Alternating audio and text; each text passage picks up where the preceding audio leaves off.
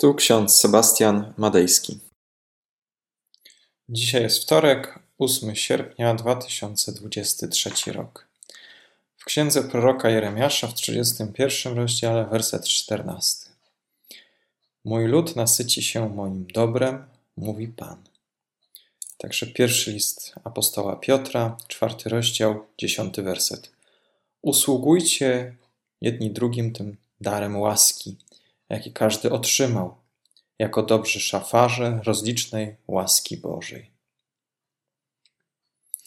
Drodzy, fragment z księgi Jeremiasza pochodzi z rozdziału 31, gdzie jest zapowiedź powrotu Izraeli, Izraelitów z niewoli babilońskiej.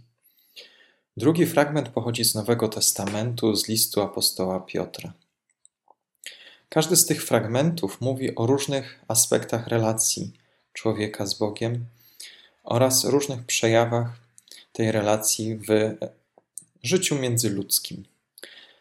Można powiedzieć, że każdy z tych wersetów ukazuje wartości i zasady, które mogą stanowić fundamenty dla naszych harmonijnych i pełnych sensu relacji, zarówno między Bogiem, ale i także we wspólnocie ludzi wierzących. Pierwszy fragment z księgi Remiasza, Mój lud nasyci się moim dobrem, mówi Pan, podkreśla Bożą obfitość, hojność wobec nas, wobec ludu Bożego. Bóg jako źródło wszelkiego dobra i błogosławieństwa wyraża troskę o swoich ludzi. Zapewnia ich, że nasze potrzeby zostaną zaspokojone. Ten fragment może skłaniać nas do refleksji nad zaufaniem wobec Boga jako dawcy nadziei na pełne, pełnię życia. Ten fragment nam przypomina o konieczności wdzięczności za otrzymane dary oraz odpowiedzialności, ponieważ to zmusza nas do zastanowienia się, jak dzielimy się tym dobrem z innymi. Drugi fragment Usługujcie drugim tym darem łaski, jaki każdy otrzymał, jako szafarze rozlicznej łaski Bożej, podkreśla znaczenie wzajemnej pomocy i służby w społeczności. Każdy człowiek otrzymuje od Boga pewne dary, talenty, możliwości, którymi można się dzielić.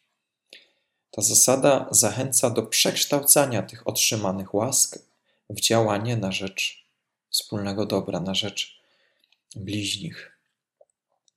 Uczestnictwo w nabożeństwach, diakonia, angażowanie się w życie parafialne są kluczowe do budowania silniejszych więzi międzyludzkich. I w ten sposób tworzy się wspólnota oparta na solidnych, trwałych wartościach. Wspólnym tematem tych fragmentów Bożego Słowa jest dzielenie się łaską.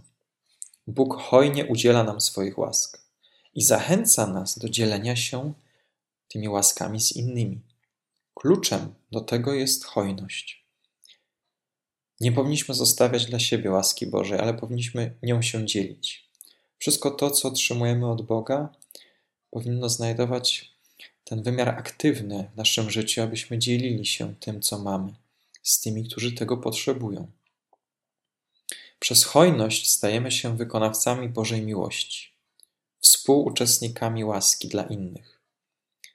To dzieło dzielenia się swoim czasem, e, swoimi siłami, ale też swoimi zasobami, jakie nam daje praca albo w ogóle jakakolwiek służba. To wszystko powoduje, że możemy dzielić się dobrem z innymi. To dzieło dzielenia się dobrem wydaje się być odpowiedzią na Boże zaproszenie do zaangażowania się w budowanie wspólnoty opartej na sprawiedliwości, miłości i równości. Wnioski płynące z tych fragmentów mogą być zastosowane w naszym życiu codziennym. One zachęcają nas do otwartości na potrzeby innych, do aktywnego dzielenia się naszymi zasobami nie tylko materialnymi, ale także emocjonalnymi, duchowymi, czasowymi. Przecież czasem tak ważne jest to, aby spotkać się z kimś, kto tego potrzebuje. W swojej samotności, w swojej starości. Jest wiele osób, wiele osób w naszym mieście. Pytanie jest, czy odwiedzamy się wzajemnie, czy wspieramy się. A może zostawiamy to na inny czas, nie interesujemy się tymi, którzy są wokół nas.